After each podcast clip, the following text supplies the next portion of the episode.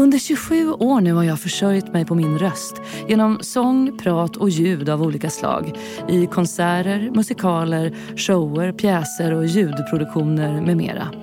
I fyra år har jag tänkt på att jag vill göra den här podden, Din röst. Med fokus på rösten som verktyg, instrument, möjlighet och skyldighet. Jag hoppas att ni får med er något nytt i varje avsnitt som alla kommer vara helt olika. Både vad gäller längd och innehåll och val av gäst. Jag heter Sanna Martin. Välkomna, nu kör vi!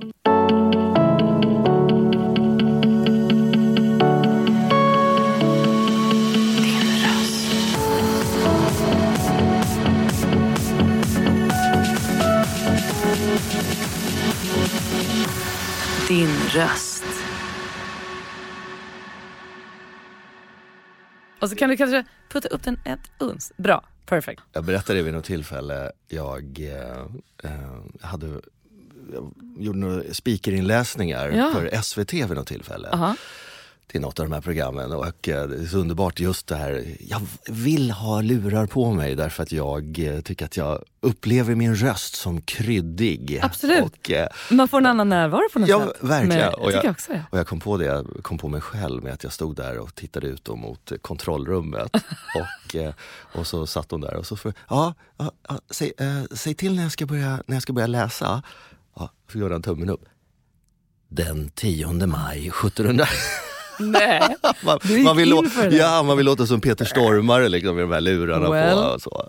det, är- det är underbart. Alltså vi, eh, ja, vi sätter igång med det. Vi gör det. Men varmt välkommen till min podd Din röst, Christopher O'Regan. Tack snälla. Sa jag rätt nu? Ja Reagan. du, eh, det där brukar bli... eh, Men Reagan, Reagan är det Det är vanliga. inte- Det är samma släkt. Eh, jag är Ah. på, väldigt, på långt, långt, långt, långt, långt håll eh, släkt med Ronald Reagan. Det är väl ingen merit eh, direkt eh, stoltsera med. Men, men många irländare som emigrerade till Amerika under 1800-talet och, och 1900-talet eh, kastade Owen Eh, Så Kennedy egentligen O. Kennedy, gamla tennisspelaren eh, Jimmy Connors var O. Connors och, och eh, Reagan då var egentligen ursprungligen O. Reagan. Nej men vad vi får lära oss, vad Mm. kul! Vi ska prata lite röst idag, eh, på olika sätt tänker jag. Jag vill göra en podd om engagemang, röst och våra möjligheter och skyldigheter och lyfta det här ämnet från alla håll. Inte minst för att det faktiskt är ett valår i år. Mm. I spåren av detta höga tempo på alla områden följer oundvikligen rotlöshet och utbrändhet. Man känner sig inte hemma. Det är då man börjar längta tillbaka till något som är gripbart, stillsamt och kontinuerligt. Man vill vara en länk i en kedja som når både bakåt och framåt. Många vill helt enkelt hitta sin plats i världen och tiden, har du sagt så fint i en intervju. Med din röst så för du vidare historien till oss. Ser du det som ett ansvar, Kristoffer? Ja, jag tycker nog att jag har eh, gjort en resa från eh, minsta barnsben då jag blev liksom inympad med en, en passion för, ehm, för vår historia och, eh, och människor som levde i det förgångna. Och det som började som, en, ja, men som ett intresse och en hobby och som sen med åren övergick till att bli ett, eh, ja, men en, en födkrok som jag faktiskt har, har privilegiet att kunna eh, liksom, livnära mig på. Så ser jag det kanske som den största liksom, gåvan som, som har vuxit fram med åren. Att jag också, precis som du säger och som jag kanske försökte antyda någonstans där, att, att jag har också börjat se det lite som en skyldighet att presentera det jag hittar på arkiven när jag sitter och bläddrar i de här gamla handskrivna dokumenten. Dels en skyldighet gentemot de som inte är lika liksom, privilegierade som jag, som är frilansare och kan komma och gå lite som jag vill och, och kan sitta på arkiven decennium ut och decennium in. Oavlönad, eh, för att jag, kan ju, jag klarar mig då på mina stadsvandringar och föredrag och som det har varit tidigare, lite tv-jobb och så. Eh, så att de som inte kan ta del av de här texterna och som, inte, och som kanske inte bara är det att de inte har tid att göra det utan de, de kan inte tyda de här texterna dels tycker jag att ja, men då kan jag förmedla det här till dem. Eh, försöka göra det lite lättillgängligt och, och portionera ut det här digra källmaterialet. Men med tiden så har jag också börjat känna att jag har också en skyldighet gentemot de som en gång skrev det här. De som en gång anförtrodde sina tankar och sina känslor och fantasier och fobier och skildringar ur sin vardag, sorg och glädjeämnen då, åt pappret i deras tid men, men sen också åt, eh, åt eftervärlden och, och till mig.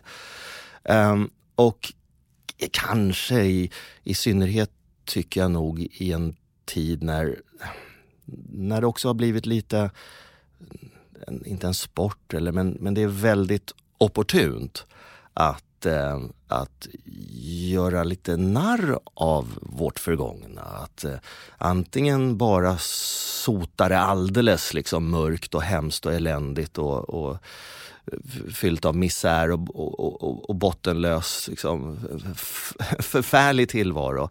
Eller att göra oss lustiga på våra förfäders bekostnad. Mm. Och de kunde mm. ingenting och de var så okunniga och de, var, att de trodde på det här. Och på medeltiden trodde man jorden var platt och på 1700-talet så tömde man potten ut genom fönstren.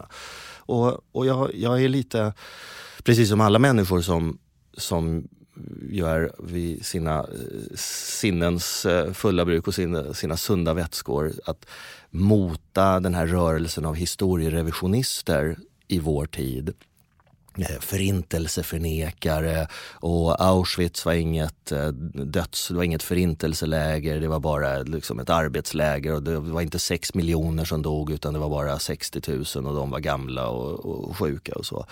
så. Så tycker jag att man ska, och det har väl varit en ledstjärna för mig, att försöka vara konsekvent. Att eh, att jag tycker att alla människor som har levt i det förgångna och som inte är här idag och kan föra sin egen talan har lika stor rätt till en rättvis eh, historieskrivning. Mm. Eh, oavsett om man nu var jude eller rom eller, eh, eller homosexuell i, i nazisternas dödsläger eller om man råkade vara kung på en tron på 1700-talet eller en, en, en vanlig människa som levde i de här kvarteren där, där vi sitter i för, för 200 år sedan. Vilken start kände jag. Jag bara blev helt översköljd av detta ämne som jag inte är bäst på kan jag säga. Det kommer vi komma till. Men jag tänker mycket att jag när jag hör dig prata så inser jag ju, som jag brukar säga då och då när jag träffar mina gäster, att ingången till att jag vill göra den här podden är väldigt mycket att jag vill skapa begriplighet och dialog och öka engagemang och skapa förståelse i olika komplexa frågor och belysa samhället från olika vinklar. Och är det någonting som du också känner är viktigt för dig när du belyser vår dåtid på ditt sätt? Att du ska skapa förståelse för var vi kommer ifrån? Ja, alltså det, absolut. Och det är också någonting på, på tal om, om just det här, någonting som har, har eskalerat med åren och, och, som jag ju naturligtvis inte grubblade över när jag var tio år och, och, och läste om mordet på Gustav III och, och vad det nu var, eller försökte eh, sjunga Bellman eller så.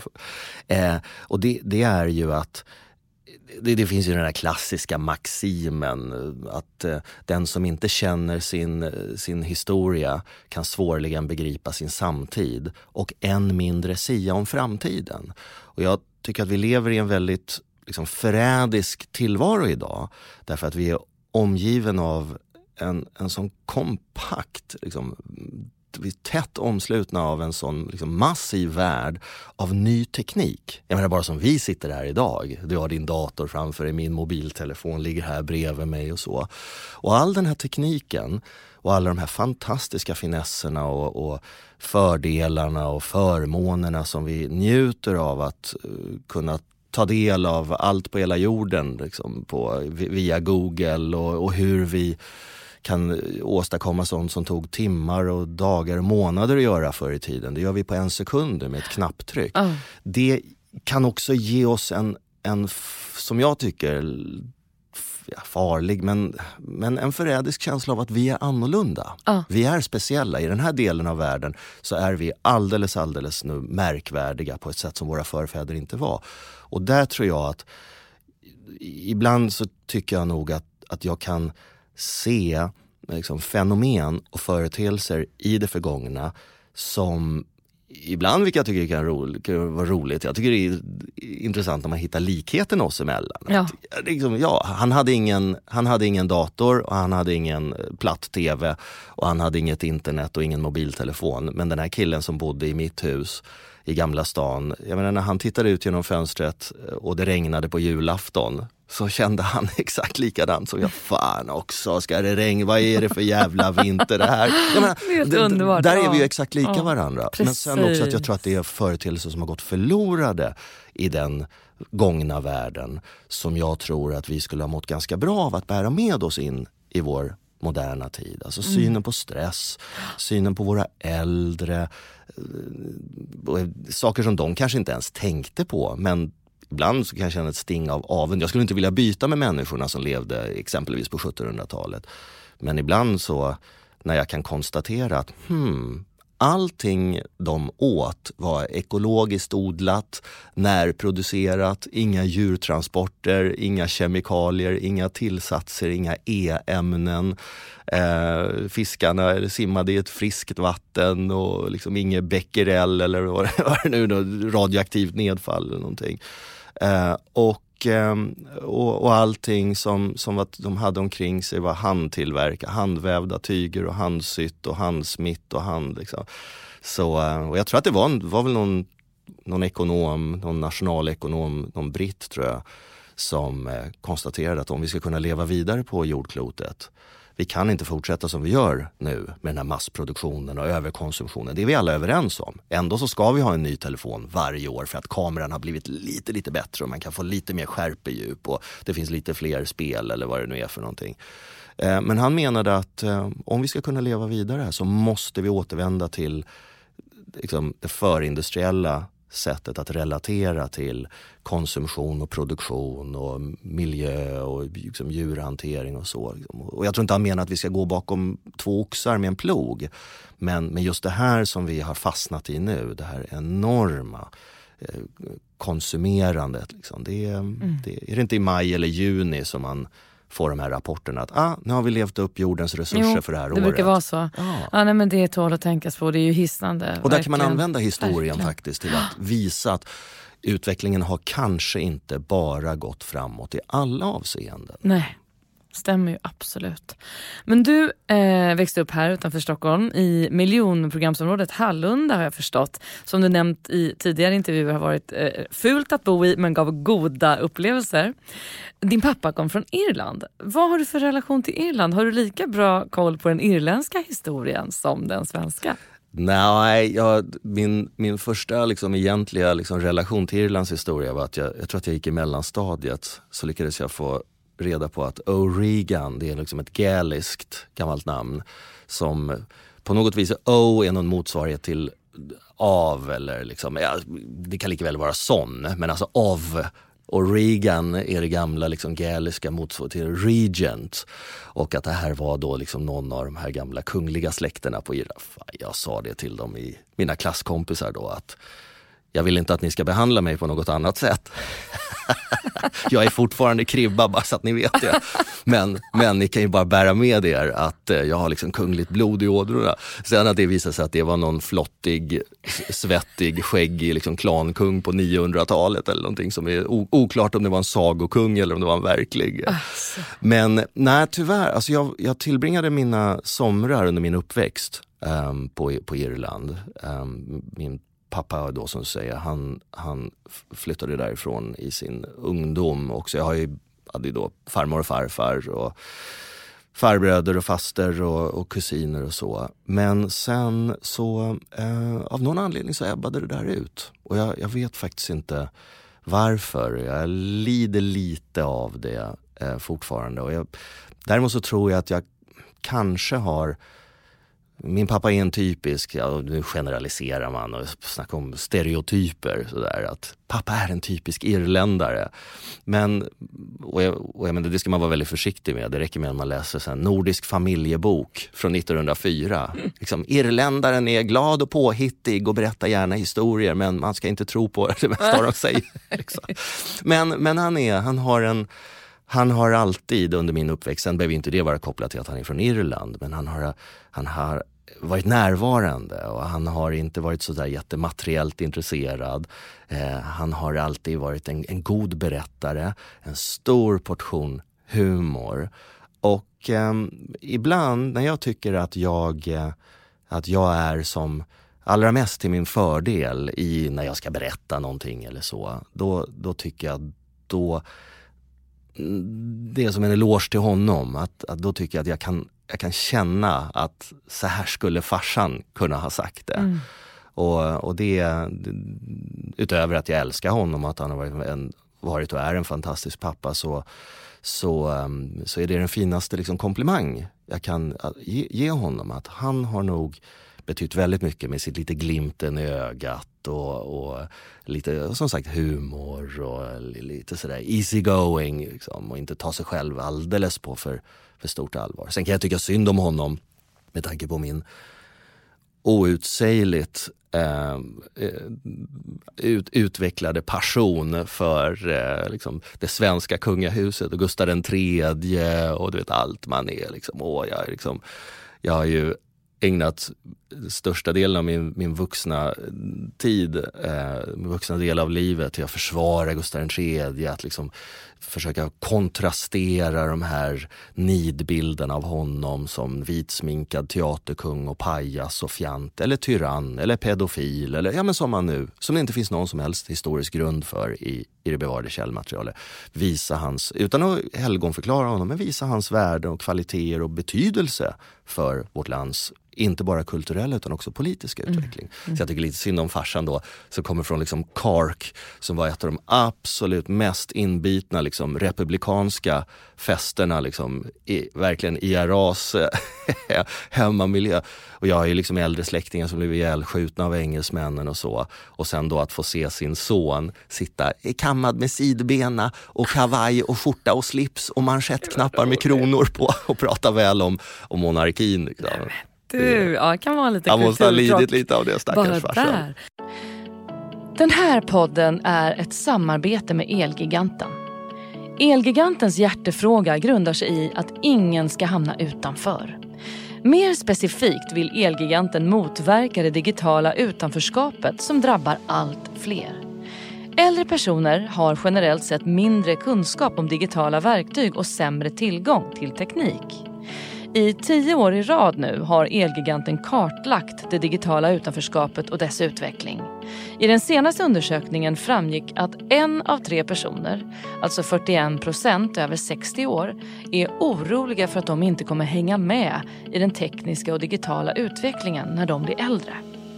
Vill du veta mer om Elgigantens arbete för att minska det digitala utanförskapet?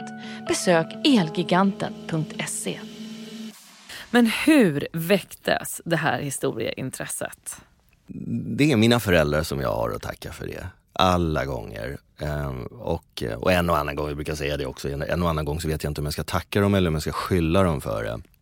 Men, men de, de lyckades på ett, ett fantastiskt sätt eh, att, att förmedla sitt eget intresse för, för vår historia. Eh, morsan var väl kanske lite mer intresserad av 1700-talet just och gav mig de bitarna. Men det tillsammans med, eh, med, med, med pappas också allmänna historieintresse men också förmåga att liksom gestalta det här, att illustrera det här, att berätta om det här.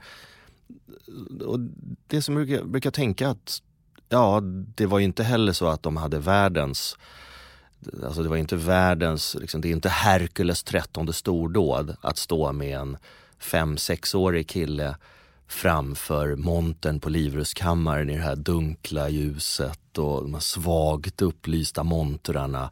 Och så står man där i tystnaden under Kungliga slottet och så tittar man där på de kläder Gustav III bar när han blev skjuten och där ligger Ankarströms pistoler och där är lilla glasskålen med järnskrotet som man pillade ur hans kropp vid obduktionen och kniven med den här hullingen, det här jacket filat framme vid spetsen då som skulle göra att det skulle, han skulle kunna sticka kniven i kungen men det gick, skulle inte gå att dra ut den då. Och jag menar, är man, är man i den åldern och man är med, så, så jag menar, det är inte så att de behövde liksom bända sig själva i alla möjliga och, och, och, och omöjliga positioner för att få en intresserad av det här. Mm. Det, och, det, gav ju mig snabbt den här känslan av att vänta nu, var, var, ska jag sitta och läsa Sagan om ringen? Eller Mio min Mio eller liksom Bröderna Lejonhjärta. Fantastiska böcker och, och, naturligtvis på alla sätt och vis. Men, men just det där som jag alltid känner med historia. Att allt som finns i Sagan om ringen och allt som finns i Mio min Mio, allt som finns i Emil i Lönneberga och Stjärnornas krig och vad det nu än månde vara.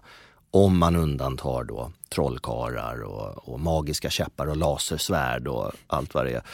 Tar man undan de bitarna så allt annat som finns där, som ju egentligen gör det till vad det är, relationen människor emellan, lojalitet, kampen mellan det onda och goda, vänskap, kärlek, revolutioner, kungamord och allt sånt där. Ja, det, allt det finns ju i det verkliga skedet. Så med det som jag tycker alltid företrädet att till skillnad mot, mot eh, Sagan om ringen att när jag har läst om mordet på Gustav III kan jag slå igen boken efteråt. Och på vägen hem då från arkivet så, så kan jag stanna till i det här gathörnet där jag vet att de stod den här kvällen och väntade på signalen från operahuset och, och det, att kungen var skjuten. Och det, det för mig så, så ger det en, en sån underbar liksom, dokumentär krydda till, till någonting som lika väl skulle kunna vara en, en saga. Ja. Den här podden görs i samarbete med R-Functional, en klimatneutral funktionsdryck från Åre. De vill i allt de företar sig göra det de kan för att ta ansvar för vår miljö och framtiden för vår planet. De vill att människor idag ska kunna leva och bo i samhällen fria från skadliga ämnen i både jord, luft och vatten. R-Functional tror på att ge människor tillgång till törstsläckande drycker, lokalt producerade i Sverige, framställda på naturligt mineralvatten och berikade med naturliga ingredienser. Genom ett för miljön minimalt belastande sätt levererar de fossilfritt från sin tillverkning i Åre och ut till sina kunder i resten av Sverige. Allt för att göra så små avtryck som möjligt på den här planeten och för att vi och nästa generation ska kunna känna naturens krafter även i framtiden. Läs mer på rfunctional.com. Mitt intryck av dig är att du är oerhört vältalig och din röst, ditt sound har gjort intryck på mig. Man hör att du tycker om det du talar om. Och jag får känslan av att du både är vänlig och har pondus och att du är medveten om detta. Men att om man fångar åhörarna tidigt i det man vill få fram och väcker deras intresse, då stannar det kvar. Och du besitter ju en enorm kunskap på det du har specialiserat dig på. Tycker du att gemene man kan för lite om historia och att det i högre grad ska tillhöra vår allmänbildning? Ja, eh, nu ska man ju inte beträda liksom minerad mark här och, och sätta sig på allt för höga hästar. Och, och eh, ehm, jag, jag, tror att det är en viss... Det var ett glapp någonstans, tror jag, mellan den gamla tiden, alltså realskolan och, och de här liksom som tog studenten på så att säga riktigt. Ja, men när man faktiskt gick in framför en, en halvcirkel av lärare och lektorer som ställde frågor om allt möjligt från Genghis khan till periodiska systemet. Och om man kunde klara det så fick man springa ut med sin vita mössa och de andra mm. stackarna, det är ju hemskt på sätt och vis. Liksom. Ja, De andra som fick gå ut bakvägen då. Så, att, så det, det, det är klart att, att men, men sen, men där fick man ju också en historie skrivning och så en, en, en, alltså historiska kunskaper som många klagar över. Det var ju bara kungar och krig, årtal och de olika slagen och man skulle banka i sig det där. Ungefär som, som bara ja, men som salmer och eh, kemin, det här period, mm. FE, ferrum, PB, plumbum. Liksom. Det, jag kan inte säga någonting om det, men jag kan rabbla det liksom, mm. utan till. Mm. Sen tycker jag att eh, jag upplevde att det blev ett, ett liksom glapp mellan den generationen och eh, kanske min generation där till och med, det är inte klokt egentligen när man tänker på det, eh, det övergav man väl det vansinnesprojektet, men där man till och med tog bort historia en tid som kärnämne i skolan. Att skolpolitiker menade på fullaste allvar att vi har ingen som helst nytta av det förgångna Kanske underförstått med att det är bara av ondo, det är stormaktstid och det är förtryck och det är kungliga envälden och det är svältande människor. Men oavsett vad, vi, vi, vi behöver inte känna till någonting om vår, vår historia.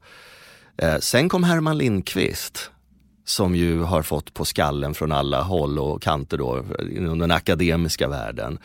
Men som jag tycker åstadkom någonting som akademikerna inte förmådde göra. Och det var ju faktiskt att tillgängliggöra det här. Att, att sprida det. Att, jag menar, han med sina tv-program där, han gick med sin... sin han var, var nästan sån Lasse Berghagen blå kavaj och sin kravatt. Ja. Och han gick runt, jag menar bästa sändningstid lördag kväll och gick upp i ringen mot Loket Olsson liksom, i Grannkanalen och lyckades få människor att tycka att ah, men Johan den tredje, det är spännande, det, det vill jag ah. se på. Och visst, någonstans så är det klart att jag menar, om jag kan, min, min erfarenhet, jag, jag menar, de har haft de här stadsvandringarna i Gamla stan i över, liksom, det är över 30 år nu min erfarenhet av samtal med deltagare, man går från en station till en annan eller man pratar med några efteråt. Det är ju att ja, liksom de, de historiska kunskaperna är på rätt låg nivå. Ehm, och, ehm, och, och det lilla som människor upplever att de kan kan jag känna många gånger att det måste man liksom banka ur dem för det är helt uppåt väggarna fel, har ingenting med verkligheten att göra. Och då kan jag tycka att som jag sa till, till, jag sa till en vän någon gång, eh, jag, jag, vet inte vad jag pratade om, någon så här, eh, liksom, yrkesgrupper i det här moderna samhället. Jag, jag sa det, men du, fan, alla de här jävla coacherna och controller, jag vet inte ens vad jag pratar om då. Liksom. Men coacher och controllers och allting vad de blir. Vad skulle hända om de inte gick till jobbet imorgon? Jag menar, får jag inte mjölk till mitt kaffe eller finns det inte liksom, kan jag inte, finns det liksom, stänger apoteken då, biblioteken? Jag menar sådana här låtsasjobb då på något mm, sätt. Mm. Men då svarade han att, hmm, vad skulle hända om du inte gick till jobbet imorgon? och ingenting skulle ju hända då naturligtvis. Eller ja. hur? Men, men jag tror att, att eh, en viktig, viktig del i det hela. Världen klarar sig mycket väl utan kunskaper om huruvida Gustav III var vitsminkad eller inte eller om man tömde pottorna ut genom fönstren i 1700-talets Stockholm eller inte. Det, det, det klarar, det, vi kan leva vidare med i okunskap om det. Men när Filip och Fredrik för, jag vet inte, är det 20 år sedan, vilket var oerhört grymt, taskigt på alla sätt, fruktansvärt skoningslöst men som jag tycker samtidigt som, som jag upplevde att man inte riktigt uppmärksammade när man bara gick på dem att de hade varit så elaka, vilket jag håller med om. Men när de intervjuade Robinson-Emma och gjorde de här 50 nazistreferenserna, kommer du ihåg det? Ja. Eh, gillar du eh, liksom, eh, Solstickan eller Svastickan? Liksom? Eh, vad tycker du om DJ Goebbels? Har du jobbat med honom någon gång? Liksom? Nej, det har jag inte aldrig, men jag har hört väldigt bra om honom. Liksom. Ah. Och, eh, liksom, Treblinka, jag minns när du säger det. Ja, mm. Treblinka-glassen, vad, vad, tycker du om den? och sådär. Och inte en enda gång under, under liksom 50 sådana solklara referenser som är kopplade till förintelsen för då liksom 70 år tidigare eh, överhuvudtaget efter liksom 12 års grundskola så, så gjorde hon inte ens enda, en enda gång, men vänta vad är det här för någonting? Liksom. Eh, DJ Mussolini och allt vad det var för någonting nu. Eh, och, och, jag tycker att det var grymt och det var fel att liksom hänga ut en enskild individ, för hon är ju bara frukten av vårt samhälle. Mm.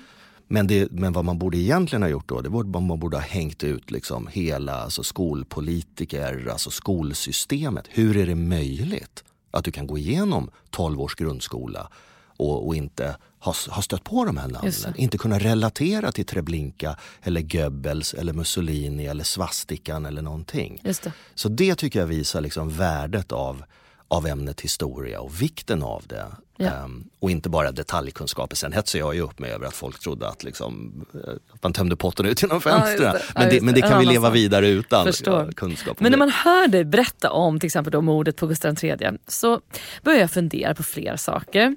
När jag hörde om detta på mina historielektioner så gjorde det liksom inget jätteintryck på mig som att det liksom stack ut från allt det andra vi lärde oss. Men även om det var spännande och jag tyckte att det var hyfsat underhållande. Men hur var det för dig? Var det så att du liksom fick höra det här i skolan eller att ditt intresse väcktes tidigare och att du då läste vidare om det. Och Kunde det då vara så att du satt på lektionen och kände lite så här att ja, hallå, det där kan jag faktiskt berätta om bättre än vad läraren kunde? Ja, jag, eh, eh jo, och det är väl egentligen min eh, både fördel, till, till min fördel och, eh, och samtidigt så är det till min nackdel eller har varit som en, en hämsko. Och det var ju att jag fick ju det här intresset redan innan skolan började. Och, men sen, och, ja, jag hade väl inte så mycket detaljkunskaper när jag gick i låg och mellanstadiet eh, så att jag kunde opponera mig mot någonting av det som sades. Och däremot så upplever jag lite att, eh, att jag kan känna sen när jag skulle gå vidare och läsa på universitetet, att där kunde jag tycka att jag kunde uppleva att, att det där inte riktigt var en värld som jag kände mig hemma i. Därför att, ja, man är försiktig hur man uttrycker det, men, men jag personligen upplever att vi under en, en rätt lång tid, så kanske det alltid är, alltid har man väl använt historien för att, för att liksom, i, i något politiskt syfte. Jag menar Gustav III själv använde ju eh, satte upp den här operan Gustav Vasa, liksom, han ville få igång eh, opinionen mot danskarna. Liksom. Det, eh, folk gapade och skrek på de här föreställningarna, man hörde inte musiken, man hörde inte vad sångarna sjöng på, på operahuset.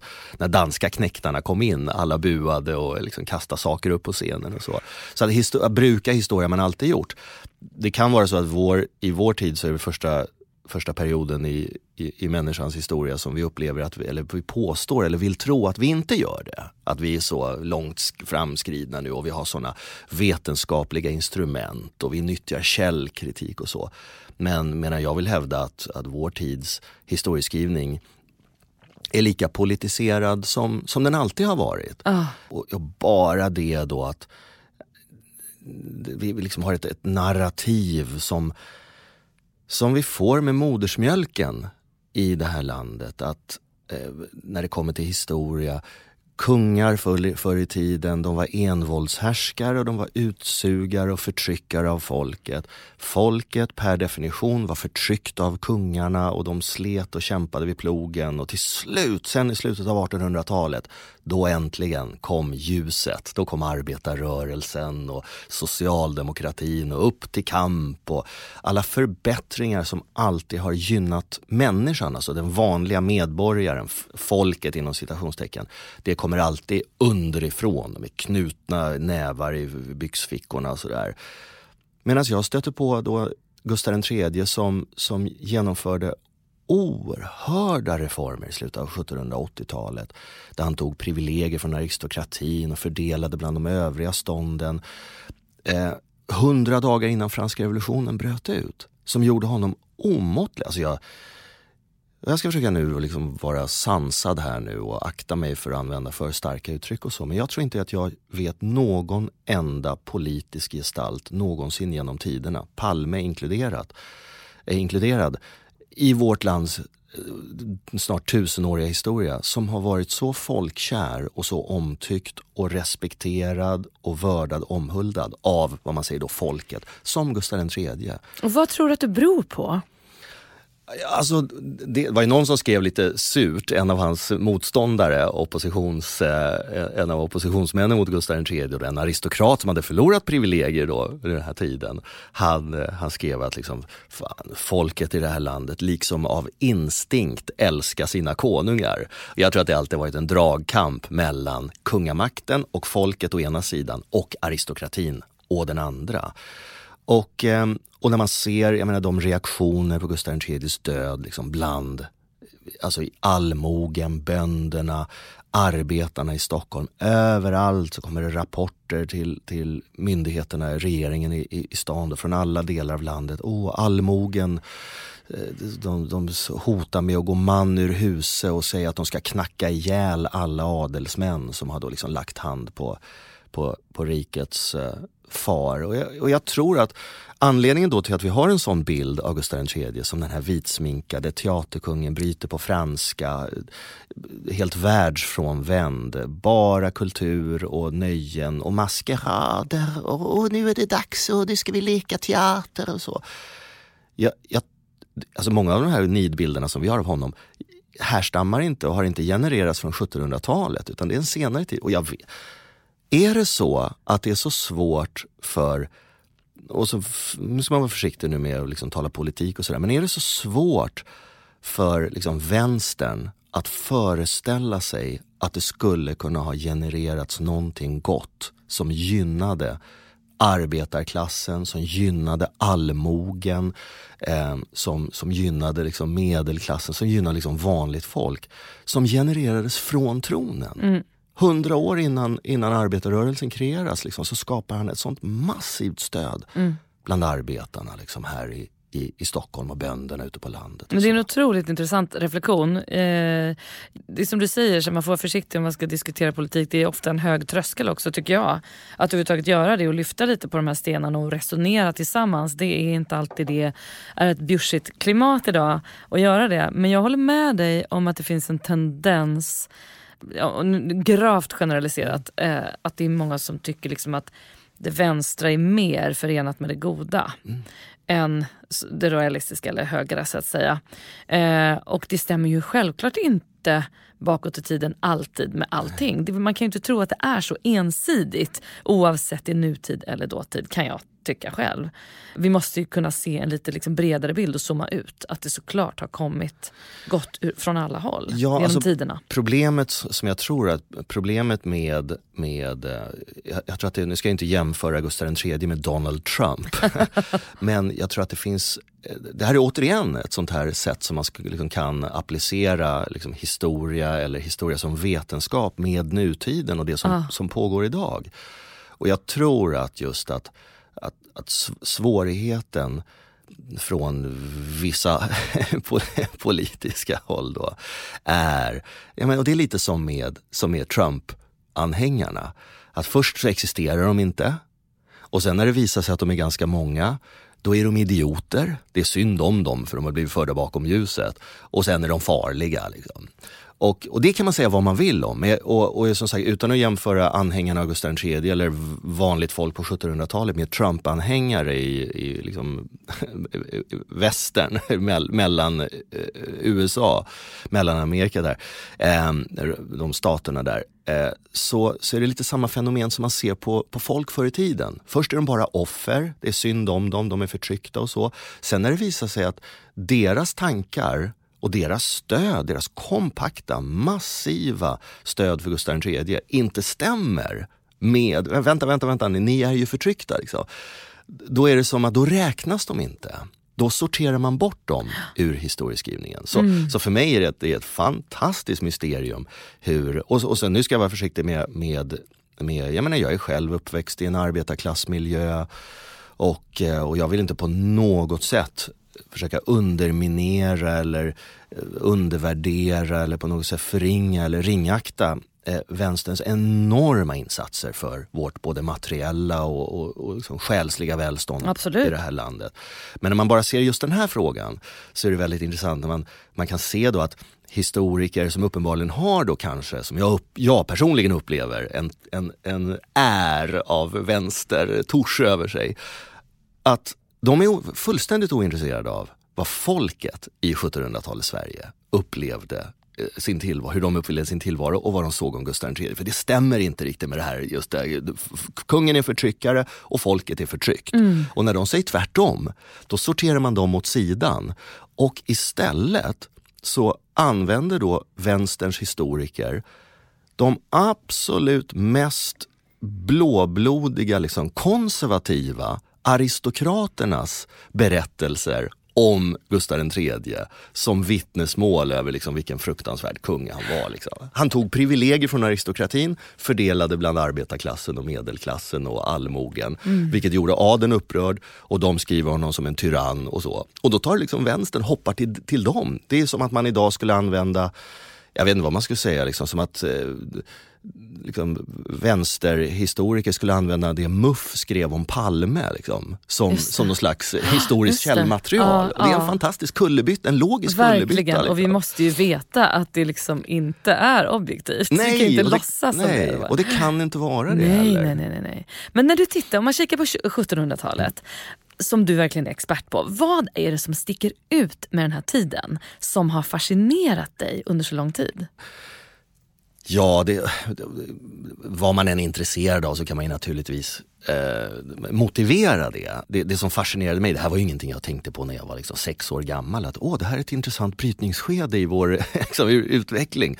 Eh, Naturligtvis, jag menar det är ju någonting i tiden i sig eh, som jag inte riktigt kan sätta fingret på exakt vad det är, som, som, men som är subjektivt. Det är en fantastisk som jag tycker personligen, eh, guldålder när det kommer till eh, jag menar, bara säga, arkitektur, när det kommer till eh, möbelsnickeri, när det kommer till inredningskonst, när det kommer till mode, när det kommer till eh, musik. Eh, säga vad man vill. Det är, mm. och, och, och, det är inte bara jag, alltså det här är någonting det mm. som attraherar. Det här är ju en väldigt populär tid att ägna sig åt. Ehm, det är ju fler människor som är intresserade och attraherade av det sena 1700-talet än vad det är som är intresserade och attraherade av det sena 1600-talet.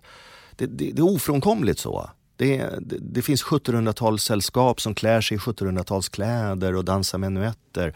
Alla Bellman-tolkare och den gustavianska stilen. En, en stol från 1790 kostar alltid mycket mer än en stol från 1830 en ljusstake etc. Liksom. Så det, den här, och jag menar gustavianska stilen som röner ett, ett enormt eh, intresse, och uppskattning och uppmärksamhet även utomlands ifrån. Gustavian style liksom, i, i, USA, de är ju tokiga i det här. Lite Carl Larsson-nötta och pärlgrå och lite babyrosa och, och så. Um, så. Så naturligtvis det, och plus att man kan ju rada upp ett antal namn på, som människor fortfarande än idag kan i alla fall nämna och relatera till Gustav III, Axel von Fersen, Marie Antoinette, Mozart, eh, George Washington liksom, och, och så vidare i, i det oändliga. Eh, som, som jag tror att människor inte kan göra med det sena 1600-talet. Man går ut på stan, kan du säga någon från 1700-talet så kan de säga Bellman. Men jag tror inte att någon skulle komma, ja Georg Stjärnhjelm skulle någon säga eller eh, liksom Per Brahe eller någonting. Men sen tror jag att det, det som är det, det gör det till en väsentlig tid också, det är att det är, ett, det är ju stora liksom, brytningsskedet mellan den gamla världen och den, mm. den nya. Och det, det är politiskt, man, man tassar mot jämlikhet, mm. jämställdhet börjar man diskutera på ett sätt som man inte har gjort tidigare. Och, eh, och sen också upplysningsprocessen. Man bränner inte häxor i slutet på 1700-talet som man gjorde i slutet av 1600-talet. Så det är liksom en frigörelseprocess mot, mot eh, liksom, kyrkans eh, liksom, patent på att leverera historier liksom, med, med skräckinjagande berättelser som skulle skrämma folk till att bli, bli lydiga och dygdiga mm. invånare. Och sen, så jag tycker är så fantastiskt. Vad som illustrerar väldigt väl det här, den här brytningen i, mellan det gamla och det nya. Jag, jag, jag tycker det är ett så underbart exempel. Jag har en, en, eh, en läkarbok hemma. Den är tryckt 1797 i Nyköping. Och då står det liksom, hur ska man, hur, vad ska man göra med någon som ligger i vattnet livlös? Alltså om att rädda drunknade heter liksom titeln på kapitlet. Och liksom första hälften av den där texten skulle kunna vara skriven idag. Ta upp personen ur vattnet, täpp för näsan, blås in luft i lungorna, liksom, vänta en liten stund och liksom, blås in mer luft sådär. Liksom, så att det är liksom konstgjord andning och så. Modernt, oh, naturligt för oss. Och sen, så, och sen fortsätter texten ner och då står det, ja men om det här inte funkar, då kan du ta liksom en tobakspipa som du har satt eld på och så kan du smörja in liksom munstycket liksom skaftet på den här pipan med olja och stoppa in liksom i stolgången, alltså i rumpan på den här personen. Och sen så blåser du in liksom via holken, den här alltså, röken. I rumpan. Alltså, gud, tänk om du skulle se det på 1177. Liksom. Ja, verkligen. Eller hur? Ja, och det, är ju, det där menar jag, liksom, att ena stunden så kan det vara skrivet idag och sen så vänder man blad och då läser man någonting som skulle kunna vara från 1100-talet. Och det skapar liksom en väldigt spänst i den här tiden som jag tror attraherar många människor också. Spännande. Men jag sitter och tänker på, eh, eftersom jag rör mig ju annars yrkesmässigt i kultur och nöjesvärlden. Och eh, den senaste tiden har ju vi behövt liksom hävda och rätt ganska mycket under pandemin.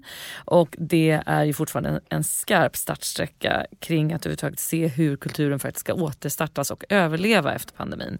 Och då sitter jag och tänker på alla begrepp du just nämnde. Varför 1700-talet sticker ut. Du nämner arkitektur, du nämner, nämner litteratur, musik, eh, eh, mode och hantverk. Allt detta har faktiskt med kultur att göra och allt detta är inte alltid mätbart i liksom ett samhälle här och nu.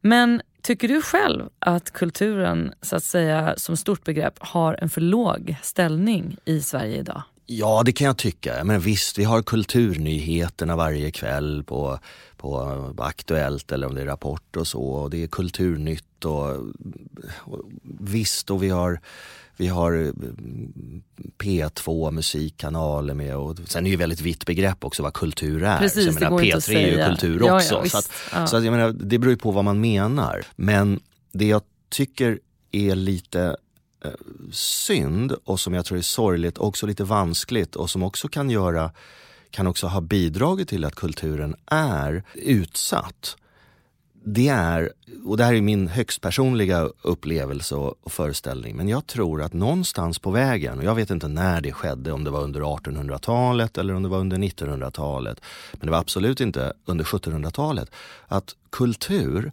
blev någonting som är liksom för, för, liksom förknippat med, med, med kvinnligt. Alltså det är kvinnor, man säger alltid att kvinnor är kulturbärare i det här landet och så. Jag menar, jag var en gång, någon av böckerna som jag hade skrivit en massa år sedan så var det var i samband med också att om det var Bonniers bokklubb firade 50 år.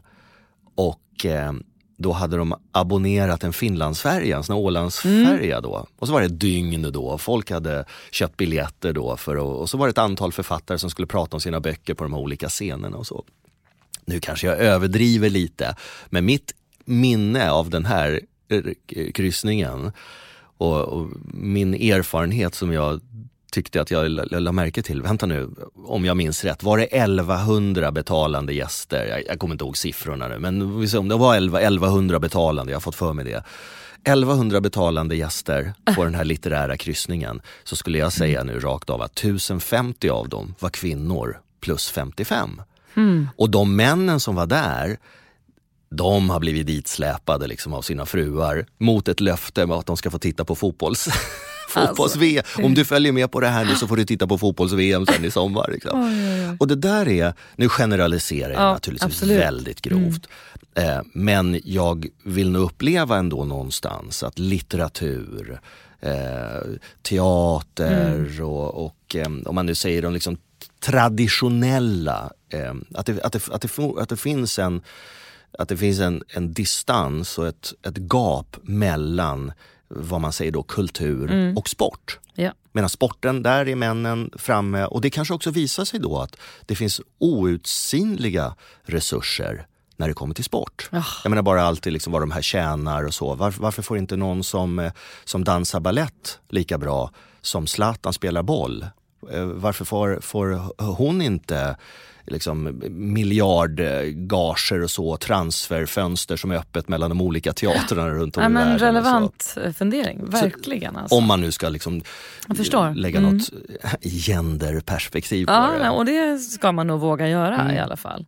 Um, apropå kultur, uh, jag har ett litet system där uh, gäster får skicka vidare frågor till varann. Och du och jag skulle ju setts i mars, uh, men, och vi har bokat om och det gör absolut ingenting. Men det gör att du kommer få två frågor Kristoffer. Oh. Av mina föregående gäster. Oh. Och här kommer en som du ska få. Jag ska säga sen vem det är om du inte hör det. Det här är ju så roligt. Jag tycker han är så grym. Ehm, grymt bra alltså, inte grymt elak. jag skulle vilja fråga honom. Han måste ju träffa människor som kan typ ingenting om historia. Mm, Eller, han ska ja. göra det när han träffar mig. Ja, vad bra. Mm. Tänker han då om de personerna, gud vilka oallmänbildade lägre stående varelser. Men så här som man kan tänka när någon verkligen inte kan det som man, eftersom han lever historia.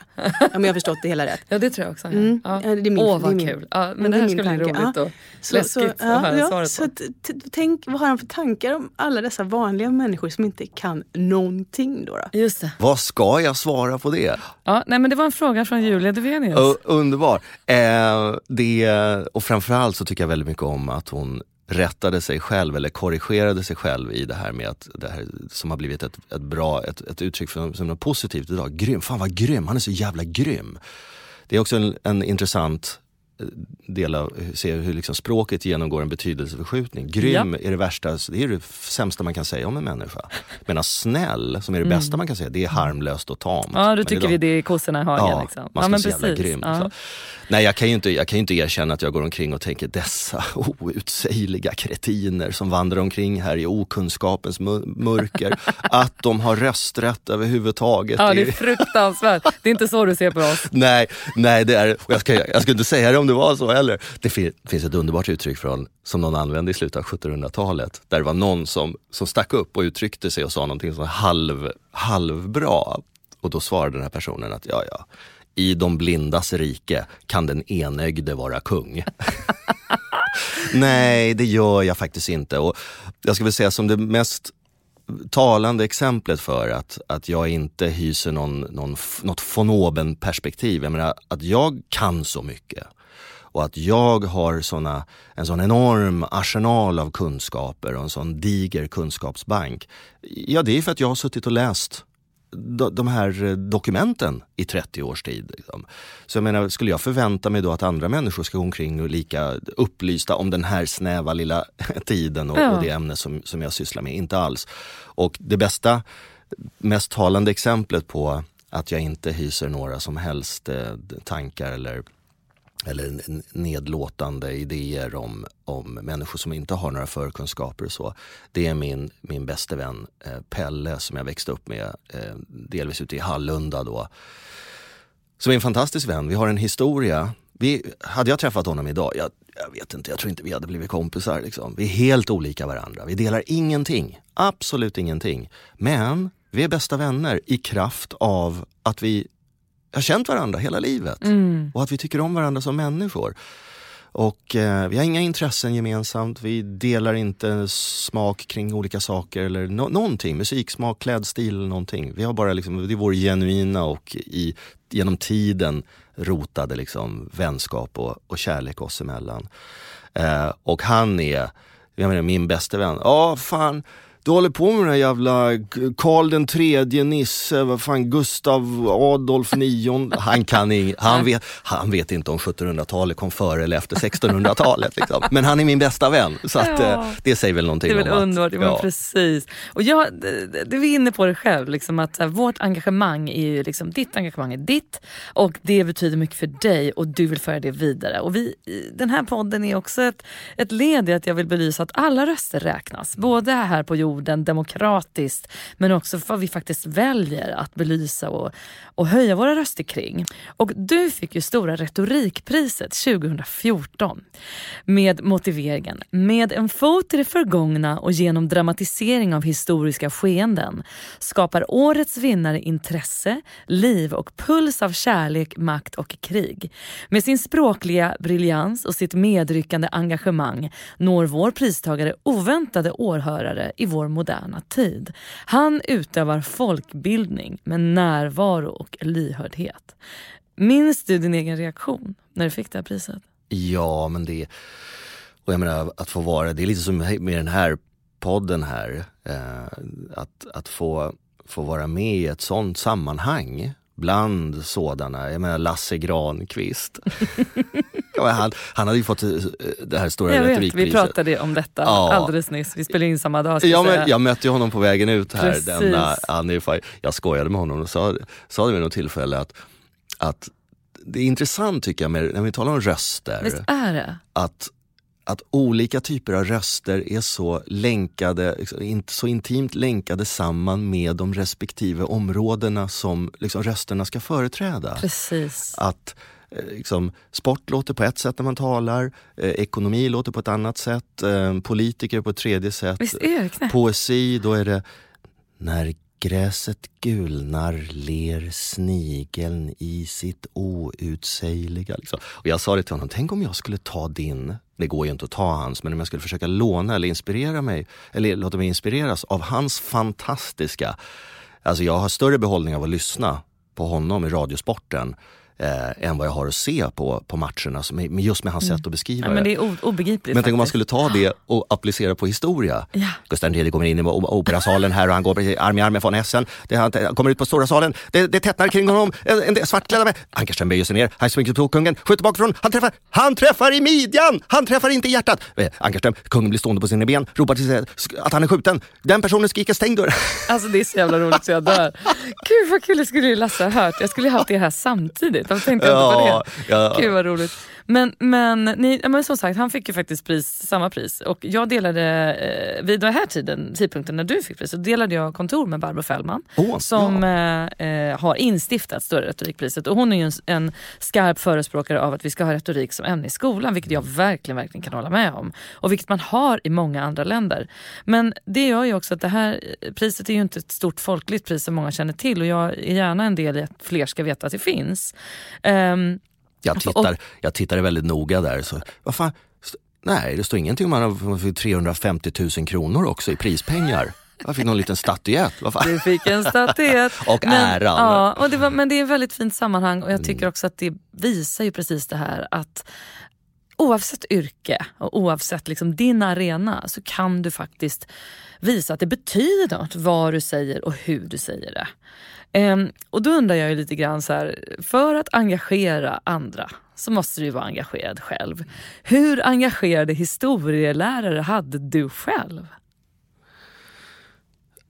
Ja, Alltså jag, jag minns inte, alltså det, och det säger väl bara Ja, det jag någonting. tänker att det ja, det säger väl allt. Eh, det var inte riktigt som han i Döda poeters sällskap. Som, och du, är, det är så roligt då för att den referensen gjorde ju Lasse också. Exakt Ah. till det här med tänk på döda poeters sällskap. Ja, och jag vet inte, jag, jag tror väl att det var väl också en, en anledning till att jag inte fann mig särskilt väl till rätta eller trivdes särskilt bra i, i den akademiska världen. Därför att det, jag fick intrycket, återigen, det är så lätt att göra övertramp och generalisera och eh, liksom överdriva. Men, men mitt intryck var att, att liksom passion, intresse, geist, att det är någonting som är, ses lite som sådär, inte riktigt eh, jättebra. Eh, det tangerar eh, hembygdsromantiker och Herman Lindqvist. Och, och liksom, utan här är vi seriösa. Och det, visst, det, kan man väl tycka vad man vill om men när det är de seriösa människorna som, som bra exempel, det var de som sa till mig när jag skrev min första bok som kom ut 2004 om, om just vardagslivet i 1700-talets Stockholm. Hade jag som undertitel eh, Glimtar ur 1700-talets stadsliv. Lite vad det handlar om. Jag menar, vad åt man? Hur bodde man? Vad led man av för sjukdomar? Hur roade man sig? Hur såg det ut med kriminaliteten? Hur var det med renhållningen? Och etc. Och, eh, och då frågade jag en sån där eh, akademiker ut i fingerspetsarna. Ja, men, vad, vad tycker du om det? Nej, nej, nej, nej, sa han. Det, det, det låter väldigt ovetenskapligt. Ja, vad, vad, är, vad, var ditt, vad är ditt förslag då? Jag kommer inte ihåg exakt vad det var, men det var någonting i stil med socioekonomiska strukturer i den tidigmoderna urbaniseringsprocessen. Och, menar, och visst, det är egentligen samma sak. Det, är, det är snarlikt. Det, det, är ju, det är ju samma sak det handlar om egentligen, eller vad, det- vad det uttrycker. Och för mig så är det att, ja men det är, det är okej om den lilla världen med fakulteter och institutioner och så, om de vill uttrycka sig på det sättet och göra det här svåråtkomligt och obegripligt. Men problemet är att när det är de människorna med den synen på vad historia är och hur det ska uttryckas och så. När det är de som ska försöka väcka intresse till liv hos trötta liksom tonåringar, Ja. högstadieelever och trötta gymnasieelever och så. Det, och jag menar inte att man ska använda geist och passion och närvaro och så med att fabulera och hitta på. Absolut inte. Nej. Men, men det finns ett sätt att faktiskt kunna berätta om någonting och, och, och faktiskt också våga antyda att eh, jag är faktiskt intresserad av, av det jag talar om. Verkligen. Och det, det tycker jag man, man skulle kunna träna sig på i, i den akademiska Mm. världen. Att, att eh, mitt namn är bla bla bla. Jag har ägnat eh, 20 år åt att studera gärdsgårdssystemet i södra Närke 1604 till 1712. Gärdsgårdssystemen byggde huvudsakligen på både att hålla ute och att stänga inne. Liksom. Ja, men, Finns det, är ni intresserade av gärdsgårdssystemen? Vem ska lyssna? Ja men verkligen. David Attenborough. Ah, han kan prata om Monster. myror. Ja, och vi lyssnar så Och, att och vi det är inte bara... att han, ja, han hittar ju inte på, åh det är monstermyror. Men han får ja. någonting att kännas väldigt angeläget. Och Ja. det har ju du lyckats med i din profession. Och det är väl det här som är liksom det förfinade retoriska som vi bör på något sätt lyfta lite bättre. Och då är det ju valår i år. Och då brukar jag fråga alla mina gäster så här, vad, vad gör ett riksdagsval eller vad gör ett valår med dig Kristoffer? Det är hemskt att säga. Jag är inte antidemokrat på något sätt. Men jag tycker för varje år som går så, så blir jag mer och mer bara avtrubbad. Eh, bestört ska jag inte säga, men jag blir irriterad på jag sak, jag menar, nu kanske jag säger någonting om hur gammal jag är, liksom, men jag saknar Palme.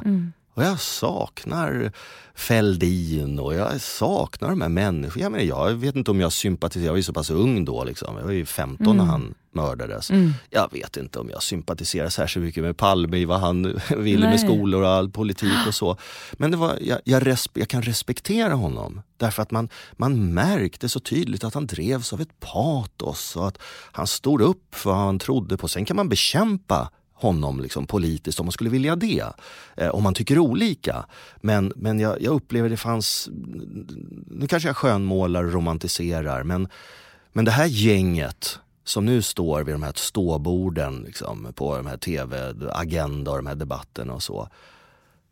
Drivs de av någonting annat än att bara säga emot de andra? Ja, skulle, det är- skulle, skulle Annie Lööf säga att hon tycker om lakrits så skulle Jimmy Åkesson säga att han tycker om sura bumlingar. Och säger han att han tycker om smågodis, då säger de andra att de tycker inte om smågodis. Liksom, för beröringsskräck och så. Plus, som jag tror är, är det jag egentligen skulle komma till bara, som jag tycker är som jag tror är vådan för demokratin. Jag tror att det här är, det här är ett av de största hoten mot demokratin. Och det är eh, om jag hade blivit, det blir konstigt att blanda in det i ett samtal om demokratin. Om jag hade blivit envåldshärskare och någon hade sagt att nu, va, du har fått eh, oinskränkt makt.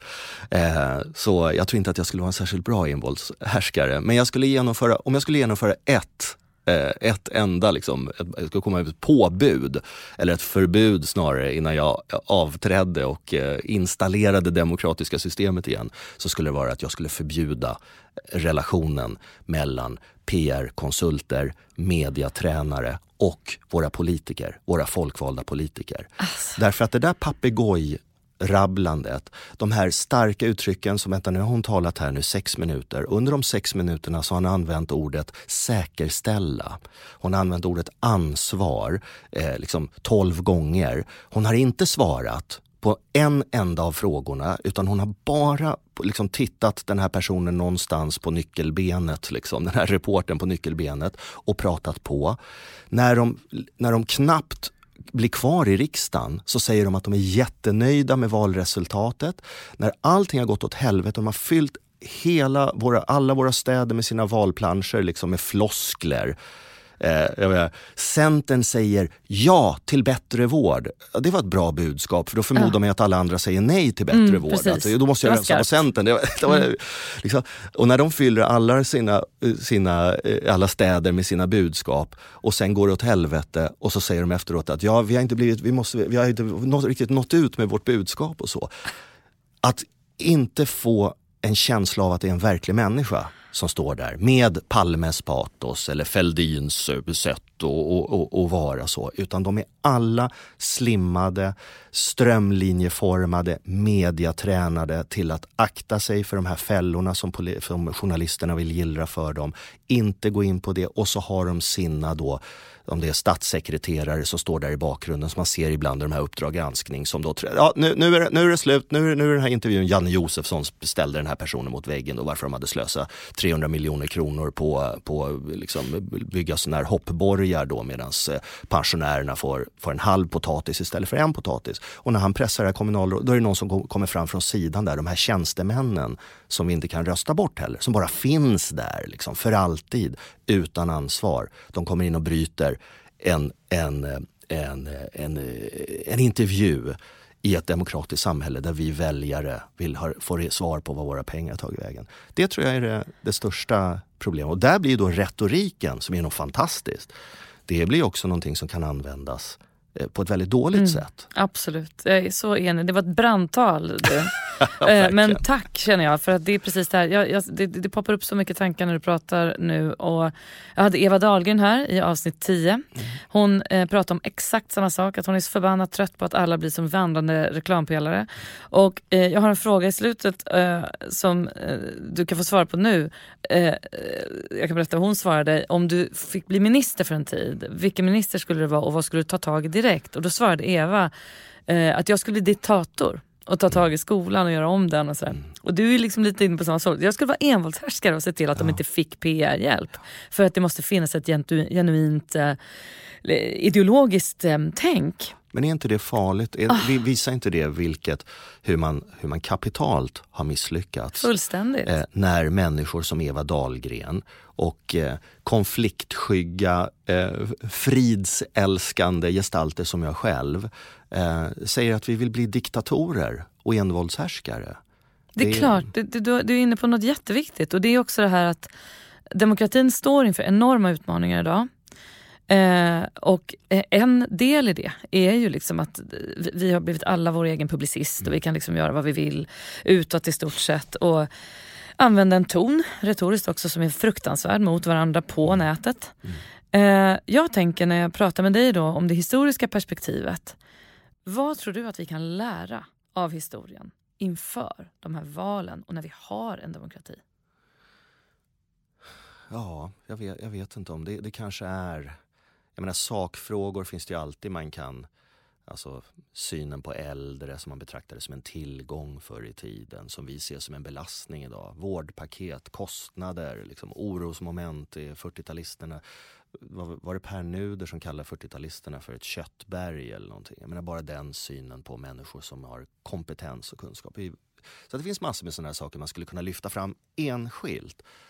Um, men, men jag, jag tror att, att den här rädslan för att, att någon enda gång våga säga någonting som utifrån sitt eget allra innersta med risk då för att kanske såra någon eller kränka någon. Eller, vilket är omöjligt, det är omöjligt att öppna munnen utan att, ja. utan att göra det. Och att man då har ett, en, en politikerkast som inte, det, det kan väl bara tycka, ja, inspirationen från det förgångna. Säga vad man vill, galningar, tokstollar, tyranner, vettvillingar. Liksom. Jag vet inte om Genghis khan eller, eller Napoleon eller behöver man inte gå till Hitler och Stalin. Men jag menar, det finns många skrämmande exempel på, på stora ledare. Jag, en gammal flickvän till mig, hon var organisationspsykolog. Hon sysslade med så ledarskapsutveckling. Och jag fick se någon gång de här testerna. Så, åh, det här företaget har en, en chefsposition de ska tillsätta och så har de tre då kandidater men de har inte instrumenten eller liksom kompetensen att kunna avgöra vem som blir den bästa chefen. Och då, får, då vänder de sig till det här företaget och så får de då genomgå massa tester. Det är rollspel och det är intervjuer och det var alla möjliga cirkeldiagram hon visade mig. Och jag tittade på det här och sa liksom, ja men Genghis khan hade inte gått vidare till fas två i det här. Liksom. Alexander Stora hade inte kommit vidare. Liksom, till.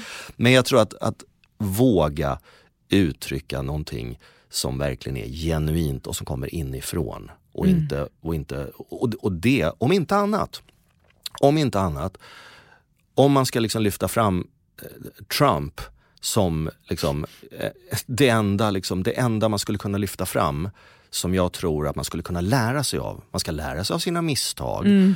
Och om man då inte bara vill demonisera eh, och, och lägga locket på, vilket ju inte har visat sig vara särskilt eh, lyckosamt.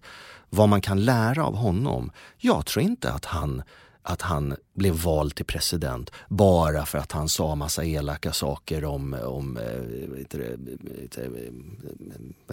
spansktalande i USA eller att han byggde den här muren och så. Utan jag tror att en del av det och alla oförskämdheter han sa om, om, om, kvinnor och rörelsehindrade och allt möjligt. Liksom. Jag tror att han, och det här är faran tror jag med, med det, här, det här gänget som vi har nu och det här, liksom, den här attityden vi har i politiken. det var den enda människa som uttryckte någonting där nio av tio saker som kommer i munnen var grodor för, för väldigt många människor då. Eh, men han sa vad han tänkte mm. och han sa vad han tyckte. Och han stod för det han sa och han stod för det han uttryckte. Och det tror jag... jag kommer du ihåg när, när eh, var det Ebba Busch Thor som hade uttryckt någonting om, om skolan. Hon sa det, för det saknar den här liksom bildningen och det saknas bildningsideal i skolan och ungarna får inte lära, våra elever får inte lära sig någonting. De kan ingenting, de, de får inte läsa, de läser inte böcker i skolan utan sådär. Och då den här elaka, om det var Sveriges Radio eller SVT eller någonting, journalisten och reporten så sa eh, men du, kan du, eh, kan du berätta om innehållet i Gösta Berlings saga? Och hon börjar ju då naturligen, blev ju överrumplad av det där. Och hon började, Ja, men det, det, det, är inte det det här handlar om. Faktiskt. Men kan du inte berätta vad handlar Gösta Berg? Du säger att man ska läsa mer och så. Uh, ja, men det, det, det, är inte, det är en löjlig fråga. Det är klart att jag har läst Gösta Berlings saga, men det är inte det jag vill prata om nu. Då, liksom Vilket är uppenbart att hon inte hade läst. Då. Mm. Tänk om hon istället hade sagt då att, ja, vilken relevant fråga. För är det inte lite konstigt egentligen att jag i kraft av partiledare, att jag kan ha liksom nått en sån position i ett samhälle utan att själv ha en riktigt liksom genuin bildning. Liksom. Jag är ett levande exempel på det här. Att jag kan svinga mig upp till den här wow. positionen utan att faktiskt ha ett fundament av bildning att stå på. Så att jag menar, jag om någon vet ju egentligen, jag vill inte underminera min egen tillvaro och säga jag vill ha sparken imorgon. Men, men det visar ju någonting om att, att jag är ju själv en liksom bräcklig länk i, i den här liksom ja. kedjan. Men istället så, ja, så var det bara mediatränade, det, det, ja och vi, vi, vi eh, liksom... Eh, Får, ja, men så bra. Det, det där är ett svar på tal alltså. Ja. Verkligen. Nu ska du få din eh, andra fråga. Mm. Ja, men hej och eh, tack för ditt engagemang, hur du sprider kunskap på ett underhållande och samtidigt konkret och tydligt sätt. Jag är lite nyfiken på vilken historisk person skulle du se som förebild när det gäller att ha höjt sin röst på ett sätt som inte kanske ansågs speciellt tidsenligt på den tiden, som riskerade mycket eh, och ändå åstadkom någonting. Jättebra, då skickar vi vidare den. Det där var eh, författaren och journalisten Caroline Engvall som oh, skickade vidare en fråga men, till dig. Oh, eh, ja, som Lasse Granqvist skulle ha sagt, det är öppet mål, det är öppet mål. ja, det, det, det, finns ju många exempel naturligtvis på, på, på det. Människor som har varit i före sin sin tid och eh, jag menar, en del har ju blivit brända på bål för att de hävdade att jorden inte var universums medelpunkt och eh, etc. Men, men i, i, i min lilla värld så är det utan tvekan Gustav III. Um, ehm, jag menar, allt det han i motvind um, åstadkom, eh, jag menar, bara det liksom grundade Svenska Teatern som nu blev, senare blev opera, alltså Operan, Kungliga Teatern, eh, Dramatiska Teatern, eh, Förbättringssällskapet mm. för det svenska språket som sen blev Svenska Akademin i en tid när det inte då inom överklassen var på något sätt attraktiv tanken på att man skulle tala och sjunga på svenska grovt språk, oböjligt, osmidigt, liksom, till skillnad från den här poetiska liksom, franska tonen. Då. Eh, men framförallt viktigare då som, som före sin tid våga utmana liksom det, det politiska etablissemanget och de politiska, liksom, det, det hävdvunna systemet. Mm. Eh, jag menar att, att bestämma 1789, observera då innan franska revolutionen bröt ut att mm, det är nog så att vi måste göra liksom rokader i maktförhållandena här. Eh, från och med denna stund så ska den enda och rätta grunden för befordringar inom rikets alla ämbeten, såväl högre som lägre, det ska vara medborgerlig dygd, beprövad skicklighet, erfarenhet och nit utan avseende på börd eller särskilt stånd. Jag menar att säga det 1789 ja, spelar ingen roll. Då höjde man sin röst, ja, eh, oavsett om du var kung. Liksom, så. Ja. Jag förstår. Mm. Och, och som verkligen som, som ju hon frågade efter, eller ställde i frågan här och som verkligen riskerade någonting. Och han fick ju plikta för det. Yeah. Jag menar, tre år senare när han blev omringad av de här svartklädda mm. männen på Operamaskeraden så var ju det idel, ädel, adel. Det var ju bara adelsmän. Så att han, han skapade sig en, en dödsfiende. Mm. genom att göra det här. Och det, och det har man ju inte gett honom någon som helst eh, något erkännande för utan han är ju bara tyrannen och vitsminkade nöjeslystna monstret. Och liksom. Avslutningsvis, hur vill du helst använda din röst framöver? Jag tror att jag, jag, jag, jag vill nog gärna fortsätta på den, den, den linjen, på det, det spåret som jag är på. Att, att jag, jag, jag skulle vilja, kanske jag smickrar mig väldigt med den tanken, men jag skulle vilja, som jag upplever att jag ibland i mina bästa stunder kan känna att jag är, vara ett språkrör för de människor som inte är, är här själva och, och kan föra sin talan. Mycket fint sagt. Tusen tack för att jag fick prata med dig Kristoffer för att du kom och höjde din röst här hos mig. Det var väldigt, väldigt kul. Det är jag som ska tacka. Tack för att ni har lyssnat en vecka till. Tack för att ni hänger med mig och mina gäster som höjer sina röster hos mig. Tack också till Elgiganten Sverige för att ni är med och stöttar mitt projekt och tack till R-Functional för att ni vill vara med. Vi hörs nästa vecka. Hej då!